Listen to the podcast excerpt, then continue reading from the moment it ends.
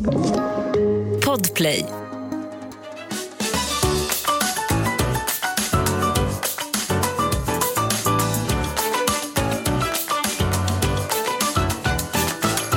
Välkommen till tredje gången gilt med mig Sanna. Och mig Ida. Idag ska vi få höra hur du har haft det på ditt Vitalisera-läger. Du och jag, vi pratar ju alltid om allt hela tiden. Mm. Eh, men just det här har vi, vi har ju typ inte hört sen du kom hem på grund av att inte du skulle berätta saker för mig. Nej, och, och det har varit lite jobbigt. hit. Men det har faktiskt varit jobbigt för mig för att jag har ju pratat med många andra. Ja. Så att, att Inklusive var- typ alla mina familjemedlemmar. Så de började prata med mig. Jag bara tyst, jag får inte höra. Nej, och så var det också att ehm, det känns som att jag har lämnat dig ute lite. Jaha, Att jag kände lite mig som en elak kompis. Eh, och också så här på helgen, nu träffade jag i och för sig inte någon på helgen men jag fick någon som ville hänga, någon frågade om jag ville hänga och så Du sa jag ljuger. faktiskt, nej men så sa jag faktiskt så här, jag behöver landa, alltså jag tog ett Ida, ett, min nya Ida-beslut. Åh herregud, nu börjar jag bli nervös. Ja, Jag för- sa precis till dig på vägen upp hit att så här, det är ändå skönt att du känns som dig själv. Ja. För jag var ju rädd för att det skulle komma hem en helt ny människa. Mm. Och det var nej, nej, det är liksom så. Men sen så såg jag att det stod på din ditt anteckningsblock du har skrivit själv, handbok för livet. Nej, och då jag kände jag blir bara, så nu börjar jag få panik. Nej men grejen är att Handbok för livet. Nej men det är så cringe för grejen var att eh, den här boken vi fick det är ett anteckningsblock som vi fick i slutet på kursen. Och då står det vitalisera kurser för livet. Och då så bara fick jag ett infall att så här, det här är min handbok för livet. För jag har skrivit mycket i den så jag tänkte jag skulle använda som underlag för dagens avsnitt då. Ja. Och då fick jag och då kändes det så rätt. Men vadå, det, kan, det är ofta det är så att när man väl blir lite djup och kommer väldigt nära ens inre att man kan känna att när man skriver saker så känns det väldigt rätt att få ur sig vissa saker. Ja. Jag kan ju läsa tillbaka i min anteckningsbok och bara fy fan vad Ja, men som att jag skrev du, så här. eh, Liksom. som när du läste upp ehm, jag, jag säger inte att det var cringe, din eh, abortberättelse. Nej men man, man blir väldigt men djup och sen ja. så när man väl eh, liksom, ur ett annat perspektiv ser på det så känner man sig lite töntig. Ja, men man känner att, man, att det blir en krock utifrån situationen man var i där man skrev och sen Precis. situationen man ska vara i när man ska läsa upp det. Det är väl framförallt det. Och det Ja. blev ju verkligen en krock i hissen och jag kände bara så här, åh nej. Jag såg bara liksom, du höll upp din bok och jag var så här, vad står det på din bok? Och så har du verkligen skrivit det med egna, liksom, egen text. Det är en annan grej om det hade stått på boken printat för då är det ju, då är det ju där bara. Det är bara Ja. så det är. Men du har liksom lagt till det. Ja, det jag har lagt gött. till det. Jag Men, men ska vi ta en liten runda först? Hur mår ja, du? ja, tack. Ja, jag, mår, jag mår jättebra. Jag, ehm, nej, men jag, och vi kommer ju prata om hur jag mår i hela avsnittet så att jag tänker, kan inte du bara berätta lite, hur mår du? Ja.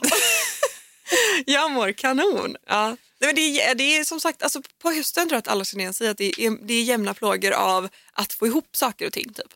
Men annars mår vi jättebra och jag är jätte, så här, taggad på jul och är i mysstämning, har julpyntat hemma. Eh, vi har liksom börjat planera lite renoveringsprojekt eh, hemma som sker i januari förhoppningsvis och det känns väldigt mysigt att man är liksom, jag älskar ju att vara hemma och planera och fixa och dona så jag är på en väldigt så här, zen-plats. Ja, vad skönt. Jag, är också, jag kan förstå det här med att fixa och dona nu för nu har jag själv gjort eh, klart Viggos rum. Eller jag Mm. har inte gjort jättemycket men Sebbe har eh, hängt upp tavlor och eh, bokstäver och Mm. vi har snickrat ihop hans eh, vad heter det, skrivbord och sådär. Och nu då när man har flyttat upp hans leksaker och fått ordning på rummet så känner man, alltså det är en sån härlig känsla Ja, när, man, underbart. när man har fixat någonting. Det är det verkligen. Så att, ehm, så att jag förstår. Det är så mysigt. Vi, ska också, vi har ju ett badrum kvar på ovanvåningen som vi inte gjort än som vi ska ta tag i också i januari. Just det. Kul. Ehm, så att, ja, får se.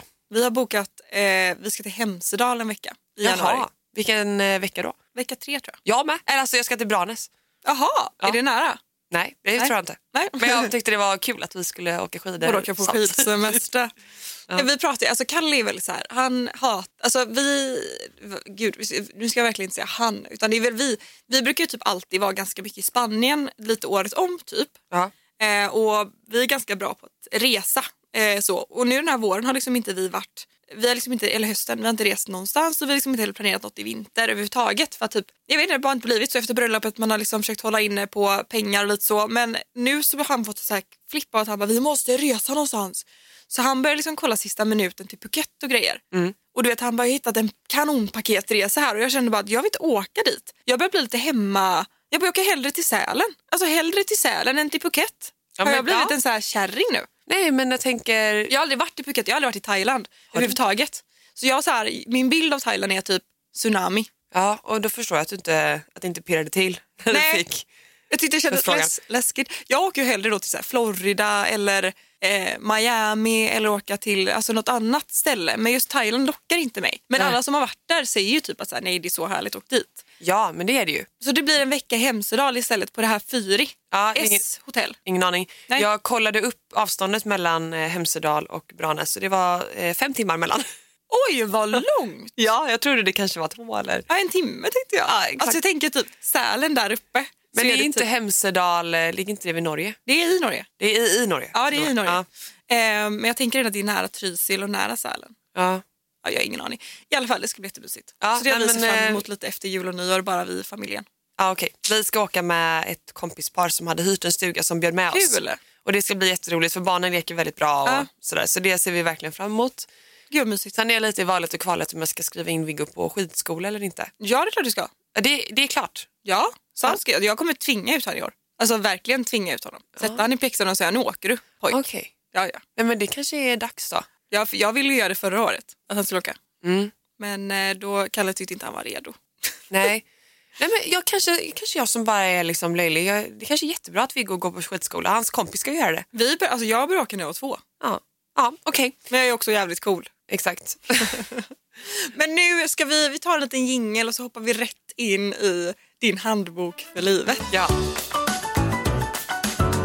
Okej.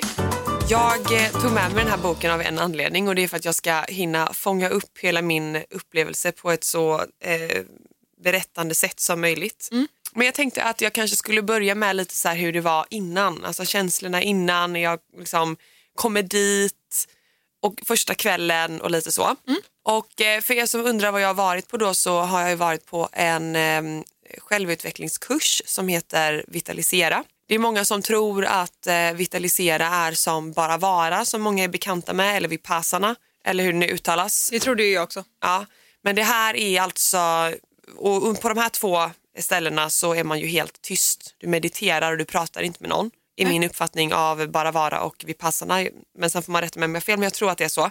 Men den här kursen, Det är väl lite mer spirrig. Ja, Alltså är. de typen av lägen. Det är väl lite mer eh, yogis som går på de Ja. lägena. Och så äter man kanske vegetariskt eller veganskt. Och, Regnbågen liksom. Ja. På den här kursen då så handlar det jättemycket om att jobba med sig själv inifrån, sina känslor, saker man har varit med om. Så det är en kombination utav meditation, olika andningsövningar men även liksom praktiska övningar som syftar till att liksom utmana ditt, eh, dina, ja, din comfort zone inom eh, känslor helt enkelt. Så att de skickar med en sån här Eh, och bara för att sammanfatta då så skriver de att eh, Vitalisera erbjuder ett djupt, innerligt och utvecklande program i avancerad självkännedom och ledarskap. Kurserna är sju dagar långa, intensiva och genomtänkta in i minsta detalj. Dagarna kommer att vara både ögonöppnande och livsförändrande för dig som väljer att gå kursen. Att på ett tryggt och kärleksfullt sätt få guidas genom sitt inre ger resultat som är både varaktiga och livsavgörande. Många deltagare vittnar om att kursveckan har varit den viktigaste i deras liv.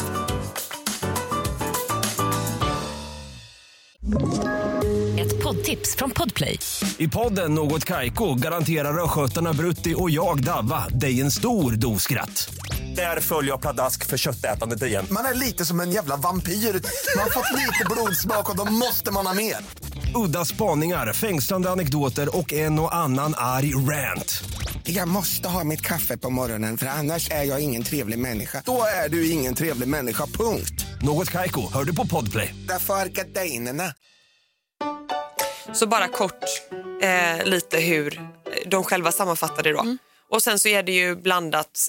Det är ju, vi var ju 11 deltagare och så var det 17, jag säger 17 terapeuter men det var fem stycken utbildade psykologer skulle man säga tror jag. Jag tror de är, jo, psykologer. Det är många alltså. Och sen På så, 11 pers, tänk på en förskola Ja. med tre pedagoger på 20 barn. Ja, ja.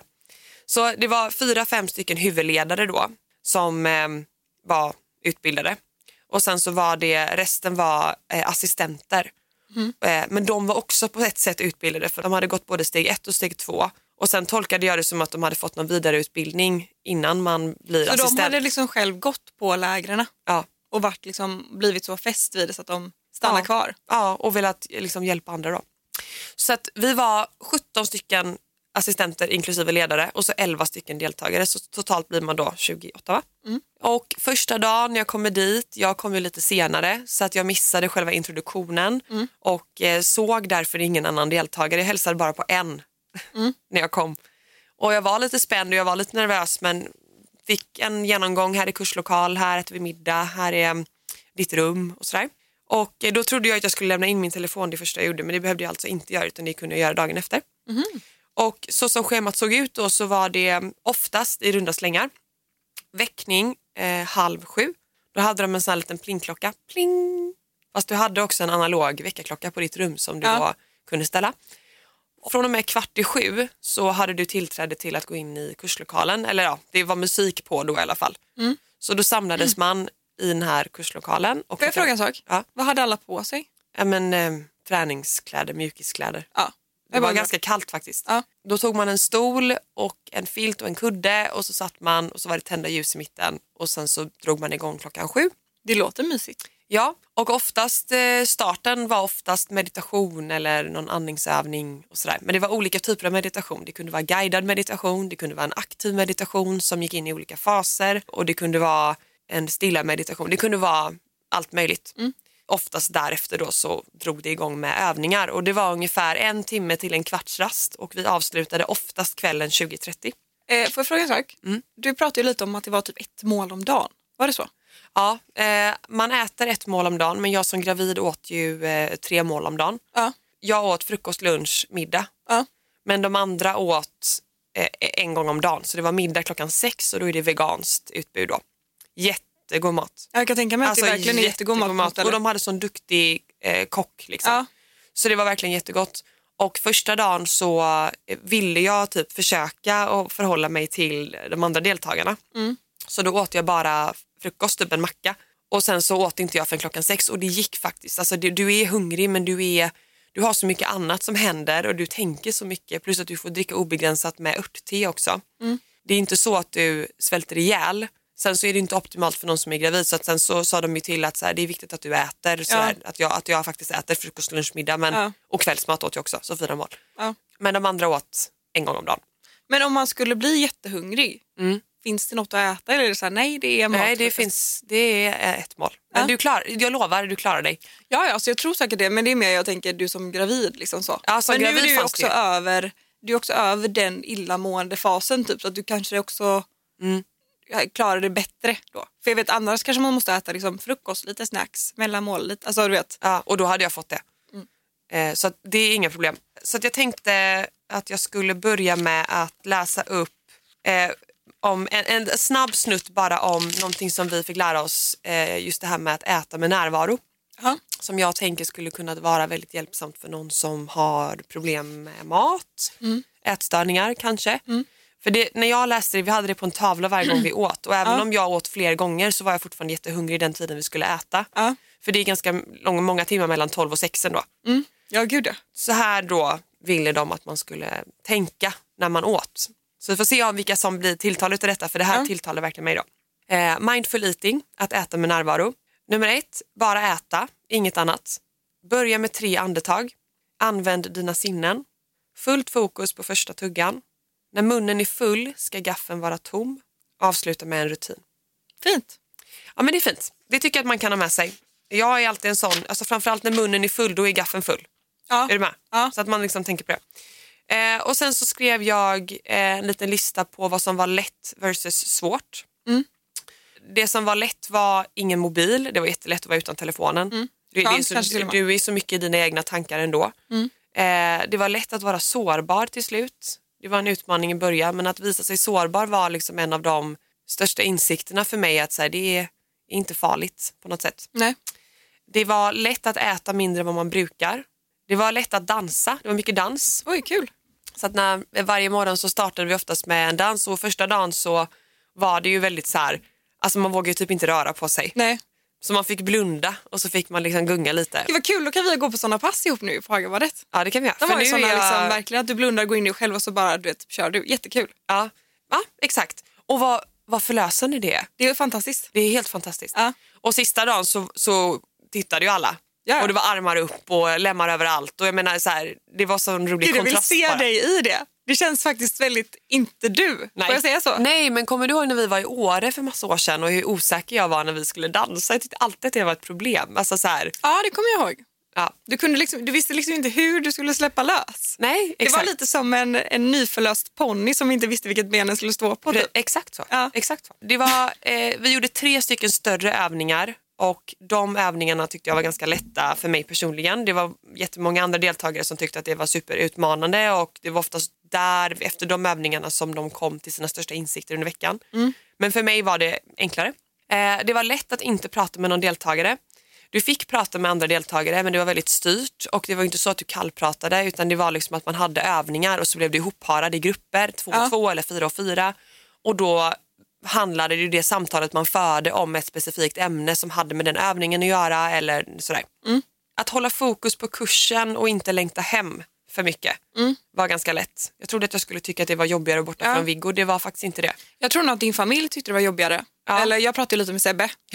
eh, han ringde mig och var lite så, ville ha lite advice. Mm. Och eh, det verkade som att han nog tyckte det var jobbigare att du var borta. För att jag pratade med, jag bara, det känns lite som att hon typ, fattar du, fattar du vad jag menar då? Ja, men det gick inte Alltså det känns ju nästan som att du har dött lite.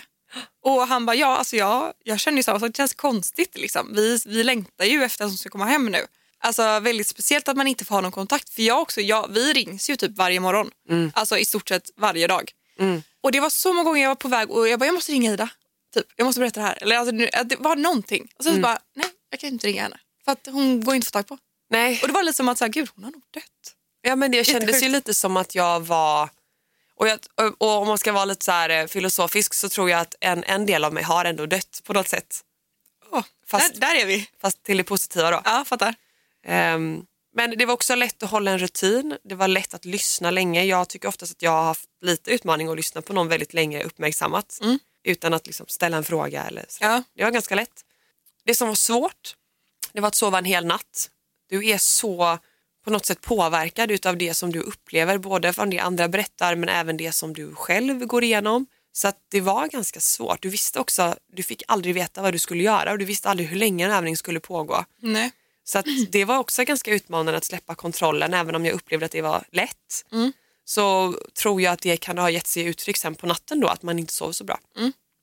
Det var många som sov dåligt. Ehm, att uttrycka sina jobbiga känslor i grupp och ta plats när man är ledsen, det tyckte jag var svårt. Ja. Ehm, jag kände oftast att jag kanske hade en ledsen känsla och sen när det var min tur att prata och det var 27 personer som tittade på mig och gav mig den tiden så var det som att min känsla förstärktes på något sätt med gånger tio. Och att det helt plötsligt blev jättekänsloladdat och att jag blev så mycket mer ledsen än vad jag trodde. Meditation för mig var lite svårt att hålla fokus emellanåt. Där behöver jag öva men jag har faktiskt, hö- hör och häpna, tagit med mig meditationen så att jag gör Jättebra ju. lite hemma. Eh, det var svårt att öppna sig i början för de manliga terapeuterna. Det trodde jag inte. Nej. Eh, men det var det. Det var svårt att gå upp tidigt trots tidig läggning. Det var svårt för mig att leva ut ilska när tillfälle gavs. För att någonstans så, utan att avslöja övningarna så handlar det ju om att du verkligen ska få testa på alla känslor och utmana dem. Jag eh, var där för två anledningar och eh, en av de anledningarna har skapat väldigt mycket ilska i mig som jag inte har kunnat leva ut. Liksom. Ja. Alltså sorg och ilska som har tagit sig i, uttryck att jag istället kanske tar ut det gentemot Sebbe eller liksom, du vet sådär. Att bara få leva ut de känslorna, vilket låter helt knäppt, även om det var svårt för mig, så var det så förlösande att bara få vara arg. Och den personen som jag liksom riktade det här mot, att få vara arg på den personen och berätta för den personen hur man känner. Ja. Att det här och det här och det här tycker jag om dig utan att behöva ta hänsyn till att den personen Ska svara på det. ska hamna i försvar eller sådär utan bara liksom få vara bara rakt upp och ner. Vad känner jag? Vilken tanke kommer först? Och samtidigt då leva ut och liksom kasta kudde och sådär. Där vill jag prata om sen när vi är själva också. Ja. Känner jag. Jag vill grotta mer i det här. Ja, och sen så var det en annan sak då som jag inte trodde skulle vara så jätteviktig Men i en av meditationsövningarna då så, så var det olika faser och då så handlade den om att du skulle ha en väldigt eh, eh, intensiv andning kan man säga. Ja. Och eh, efter det då så skulle du släppa den andningen och sen så skulle du leva ut de känslorna som kommer till dig. Och det låter jätteflummigt men det är faktiskt, det, det funkar. Och då kom det bara liksom som en brev på posten. Att shit, jag är så arg på den här personen och så besviken. Eh, i, och, och det behöver inte finnas någon relevans, det, behöver inte finnas, det kan finnas så mycket olika förklaringar till varför och det kan finnas liksom ett försvar för den personen och sådär. Men jag bara känner att det kom till mig, det blev så tydligt att gud jag sörjer verkligen det här. Det var väldigt, ehm, så. Och, sen, och sist men inte minst då, det var jävligt svårt med den veganska maten. Alltså jag var så jävla pruttig. Aha, ja. Alltså jag, alltså jag, jag sket så många gånger om dagen. Oj. Fast små Ja. Omgångar. Ja. Eller Men så- typ vad åt ni? vi åt ehm, grekisk afton var det och sen så var det någon indisk gryta och sen så var det lasagne.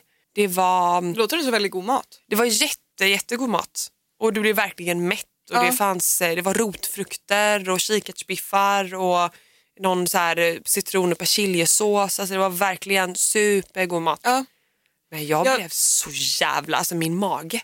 Åh herregud. Vet, jag fick sitta eh, på en häl ibland för att hålla inne fisen Ja, i grupp. Liksom. Jag Jag, kunde inte slappna av för att jag hade så mycket gaser. Du ju bara släppa ut. Men grejen var att jag hade typ ändå, hade det hänt så hade jag inte blivit jättegenerad. Nej. Men ändå man vill ju inte liksom Alla känner nog säkert av. samma sak. Ja. Men och sen om man ska förklara kursen i sin helhet så, så tror jag liksom att det som är så speciellt är ju att du är ju där med tio andra och du vet, inte, du vet knappt vilka de är. Du vet inte vad de jobbar med, du vet knappt ålder. Liksom. Du kan ingenting av det här ytliga men du vet deras djupaste, djupaste tankar och Sorger typ. problem. Ja. Gud vad sjukt. Alltså. Och det gör någonting med en grupp. Har du någon kontakt med någon av dem nu? Ja, Alltså, men några. någon nummer eller liksom? Ja, man uppmuntras ju till att hålla kontakten och Ja. ha någon typ så här teamsmöte lite längre fram. Ja. Men, eh, ja, men det är väl eh, två, tre stycken som jag ändå har kontakt med. Ja. Och eh, det var några som var från Göteborg så att de kommer jag ju säkert träffa Ja, igen. Liksom. kul. Och um, om man ska kolla på eh, typen av deltagare så är det ju verkligen en blandning. Jag var en av de yngsta. Det var en annan som var ett år yngre än mig. Och sen så var det hela vägen upp till 65, 66 män. Liksom. Ja. Och det är inte så att alla är eh, spirituella överhuvudtaget. Nej, jag utan- tänker tvärtom typ. Ja, ja, ja, det är vanliga personer som absolut inte känns spirituellt lagda. Nej. Vissa kanske var det mer än andra, men liksom ja, men vanliga Det är personer. väl många som typ, nu ska man inte dra alla över en kam, men många som är nära att gå in eller gå in i väggen.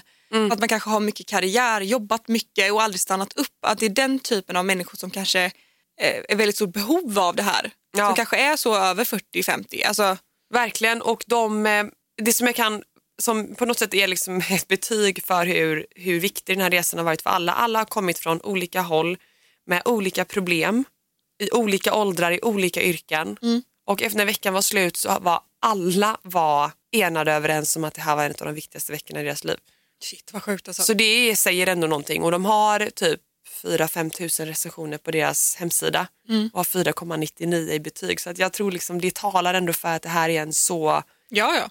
så Alltså hade det inte varit en vecka hade jag kunnat tänka mig åka. Alltså, jag kan Ja. tänka mig åka en helg, eh, tre dagar kanske. ja. Eh, Nej, men jag tänker liksom om du, det, det kanske, nu kanske det känns jättestort för dig.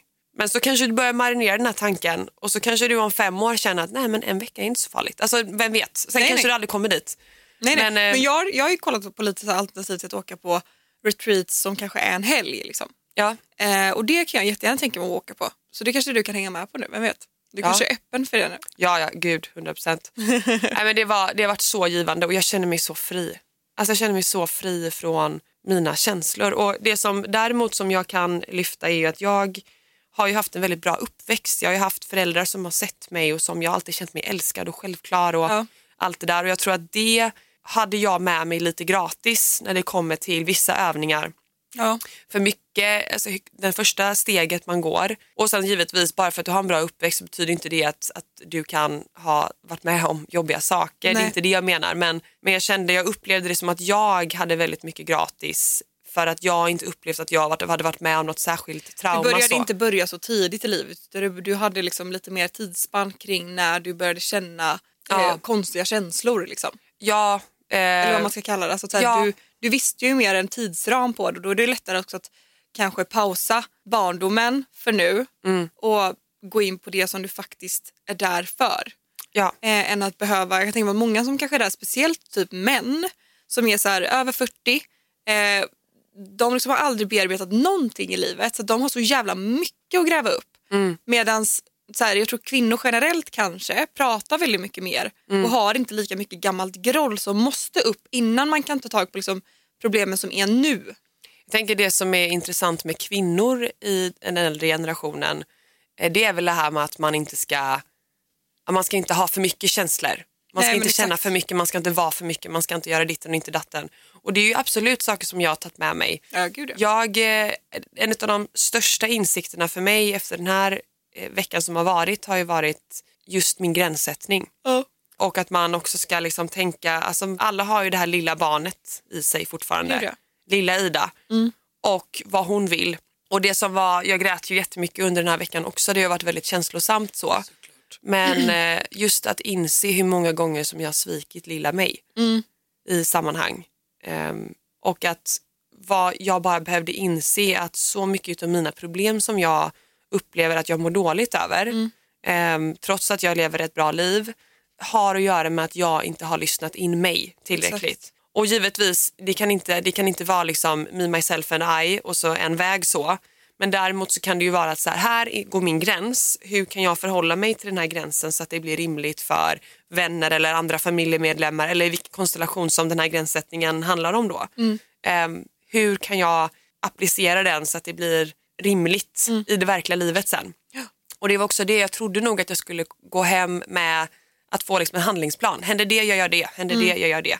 Men det var mer liksom en insikt, en övergripande insikt om att så här, jag måste lyssna in till vad jag vill och jag har inte öppnat den dörren förrän nu. Och ett exempel hemma vid är, är att ehm, jag, kan jag kan bli stressad när barnen leker med bollar inomhus. Ja. Och det har gjort mig väldigt irriterad och jag har inte mått bra helt Nej. enkelt i det. Samtidigt så tycker jag ju ändå att jag ser ju hur roligt de har det på något sätt. Ja. Men jag har inte kunnat unna barnen det för att jag har tyckt att det har varit en jobbig grej. Ja, och det är klart att jag inte, fortfarande tycker inte att bollar ska vara obegränsat och när som helst hemma vid. Men jag kan tycka att, att högljudda lekar och sådär, det måste få lov att vara okej ibland. Vi kan inte Ja. ha liksom ett bara vara-läger hemma.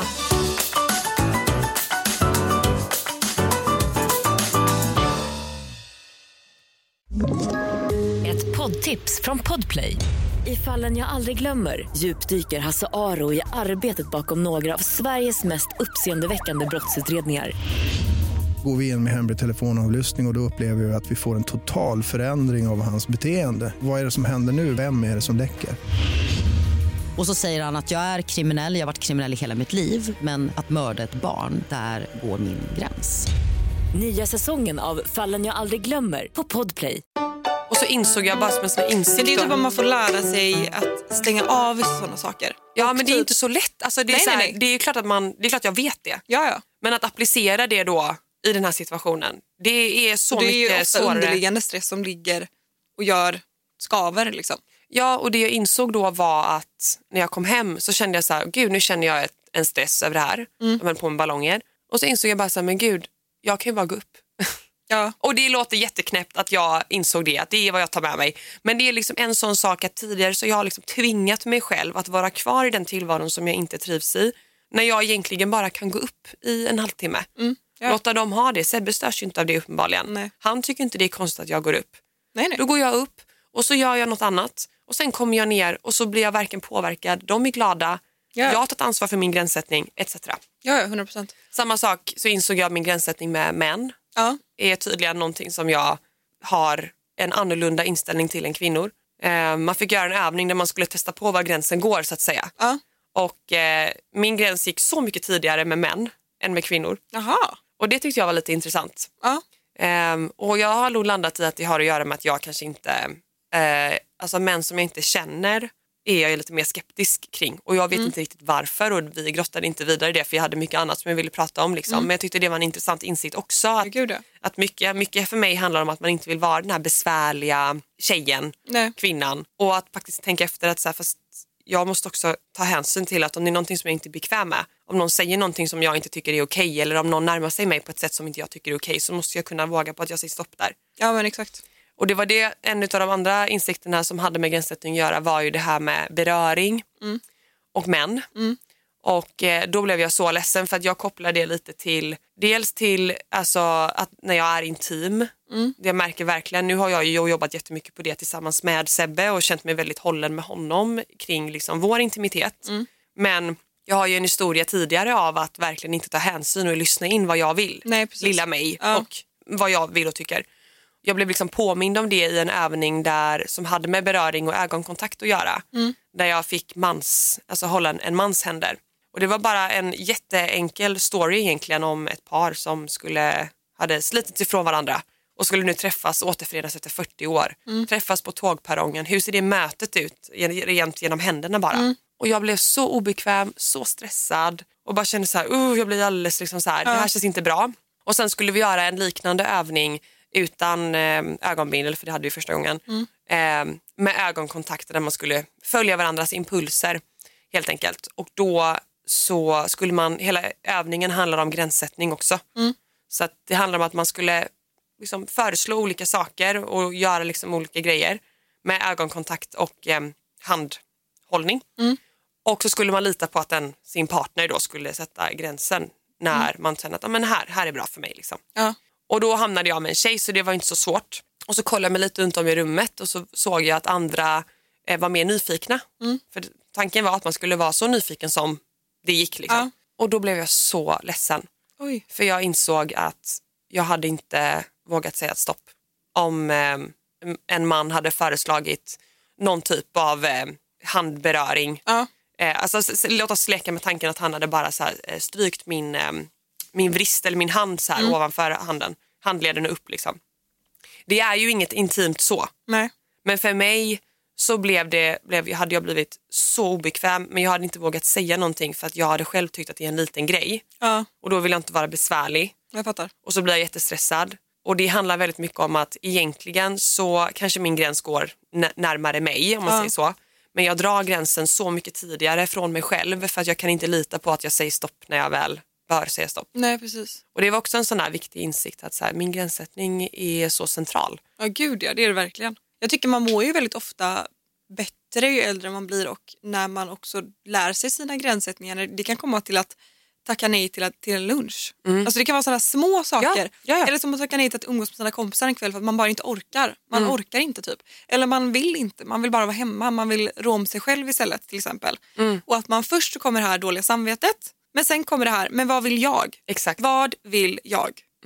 Och så här, om mina vänner inte skulle respektera vad jag vill idag, då är det så här, ja men då är det ju inga bra vänner. Så. Nej, men jag tänker också det här, eh, om det är någon som är expert på det, nu menar inte jag slänga min mamma under bussen här, men hon, min mamma är expert på att vara alla andra till lags hela tiden. Ja men min mamma också. Och eh, det tror jag liksom är, det är inte hon, hon eller din mamma är inte unika i det, men, och jag också. Ja, ja. Jag vill också vara andra till lags. Ja, ja. Men efter den här veckan så inser jag att jag måste ju primärt vara mig själv till lags. Exakt. För att jag ska kunna vara 100% närvarande i de stunderna jag tackar ja till. Exakt. Och det är också det som, som du säger där med, det är ett litet exempel på en gränssättning men den är så viktig för Ja, att jag fick ju då, min bästa kompis skrev till mig och frågade om jag ville ses på lördagen. Mm.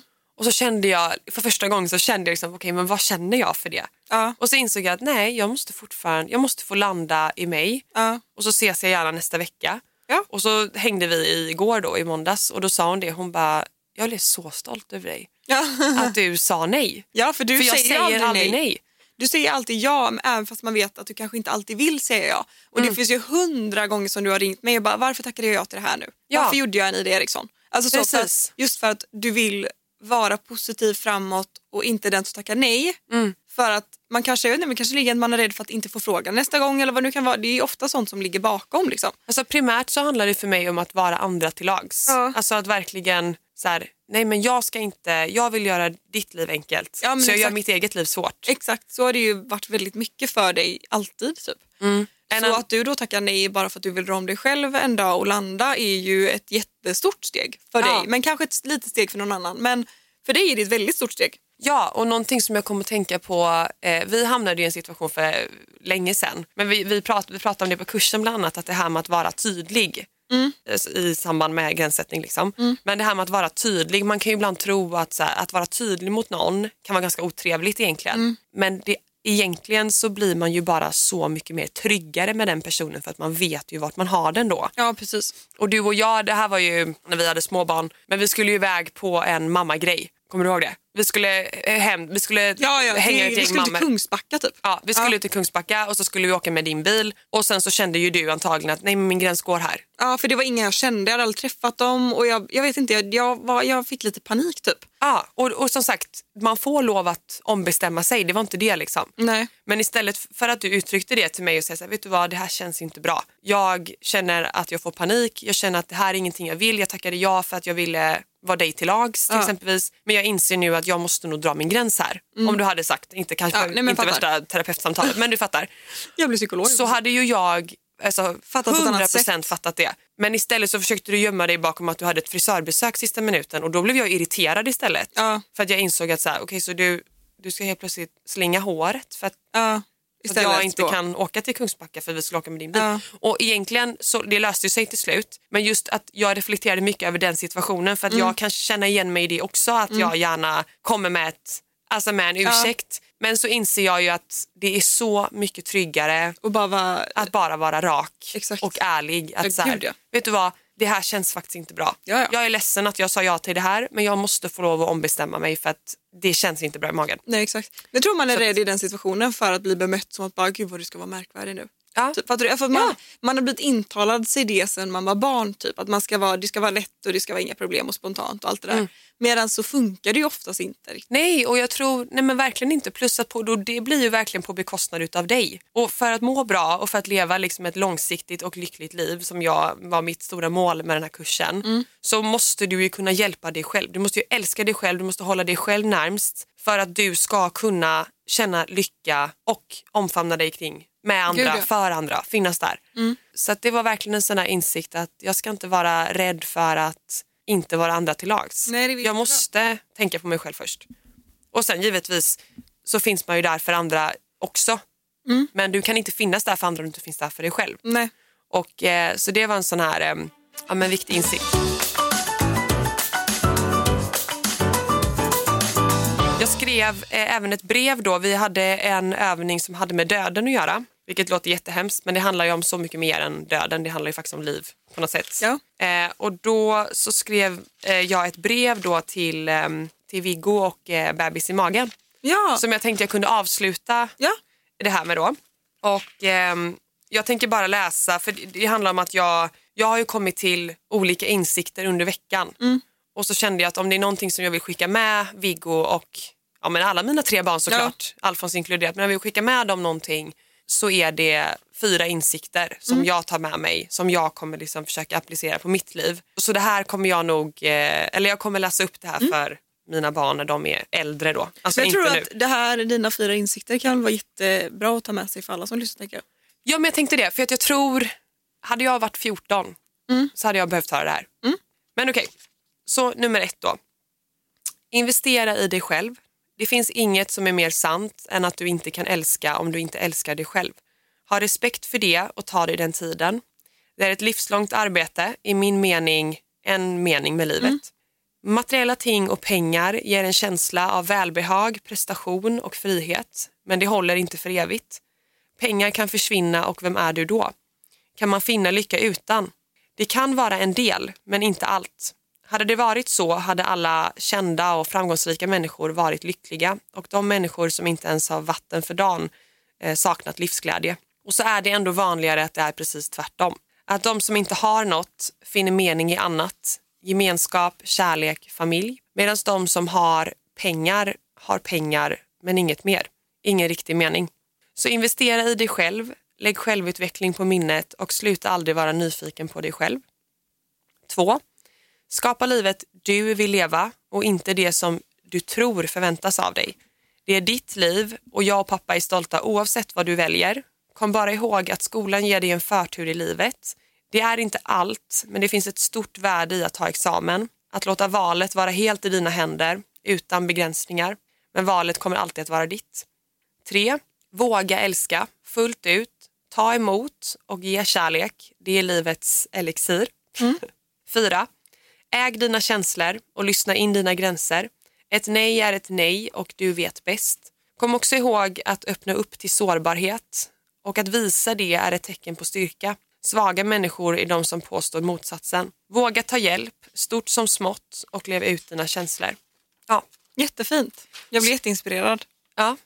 Nej, men Stolt över dig. Ja, tack. Sjuk grej du har gjort alltså. Ja, så sjukt. Herregud. Du har ju vuxit som person, eller hur? Ja.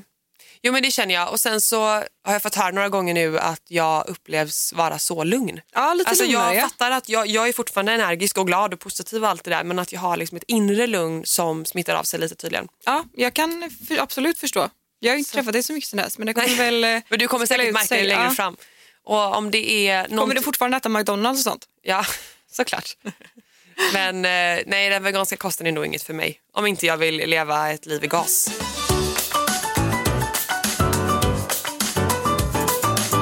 Och sen tänkte jag då gå vidare till, jag vi har fått lite insändare från förra veckan.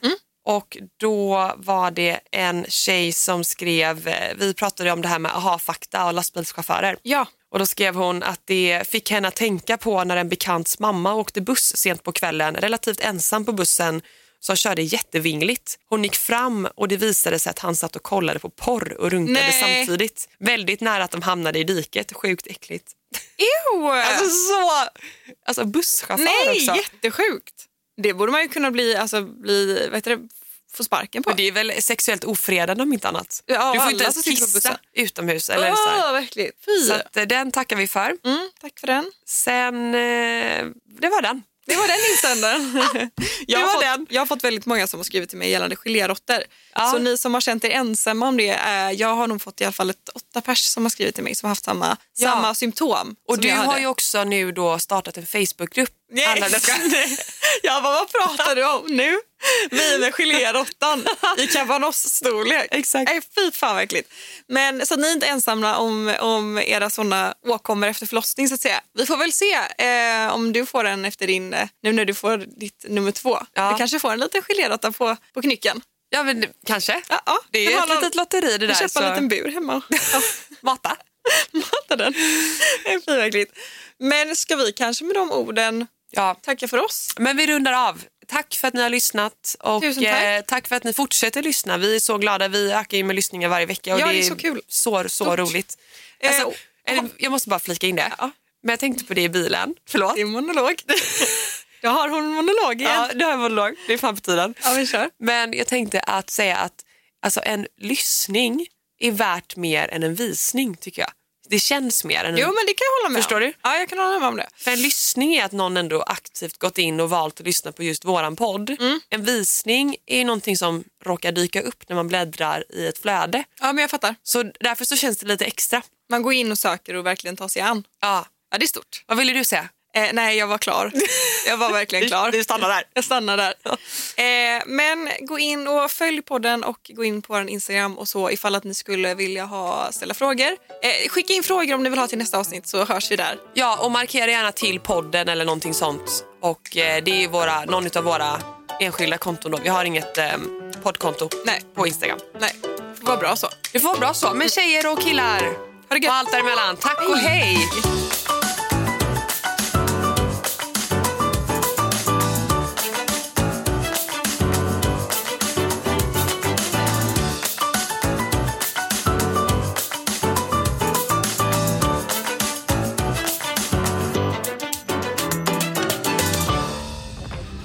Podplay, en del av Power Media. Poddtips från Podplay. I podden Något Kaiko garanterar östgötarna Brutti och jag, Davva, dig en stor dos skratt. Där följer jag pladask för köttätandet igen. Man är lite som en jävla vampyr. Man har fått lite blodsmak och då måste man ha mer. Udda spaningar, fängslande anekdoter och en och annan arg rant. Jag måste ha mitt kaffe på morgonen för annars är jag ingen trevlig människa. Då är du ingen trevlig människa, punkt. Något Kaiko, hör du på Podplay. Därför är gardinerna.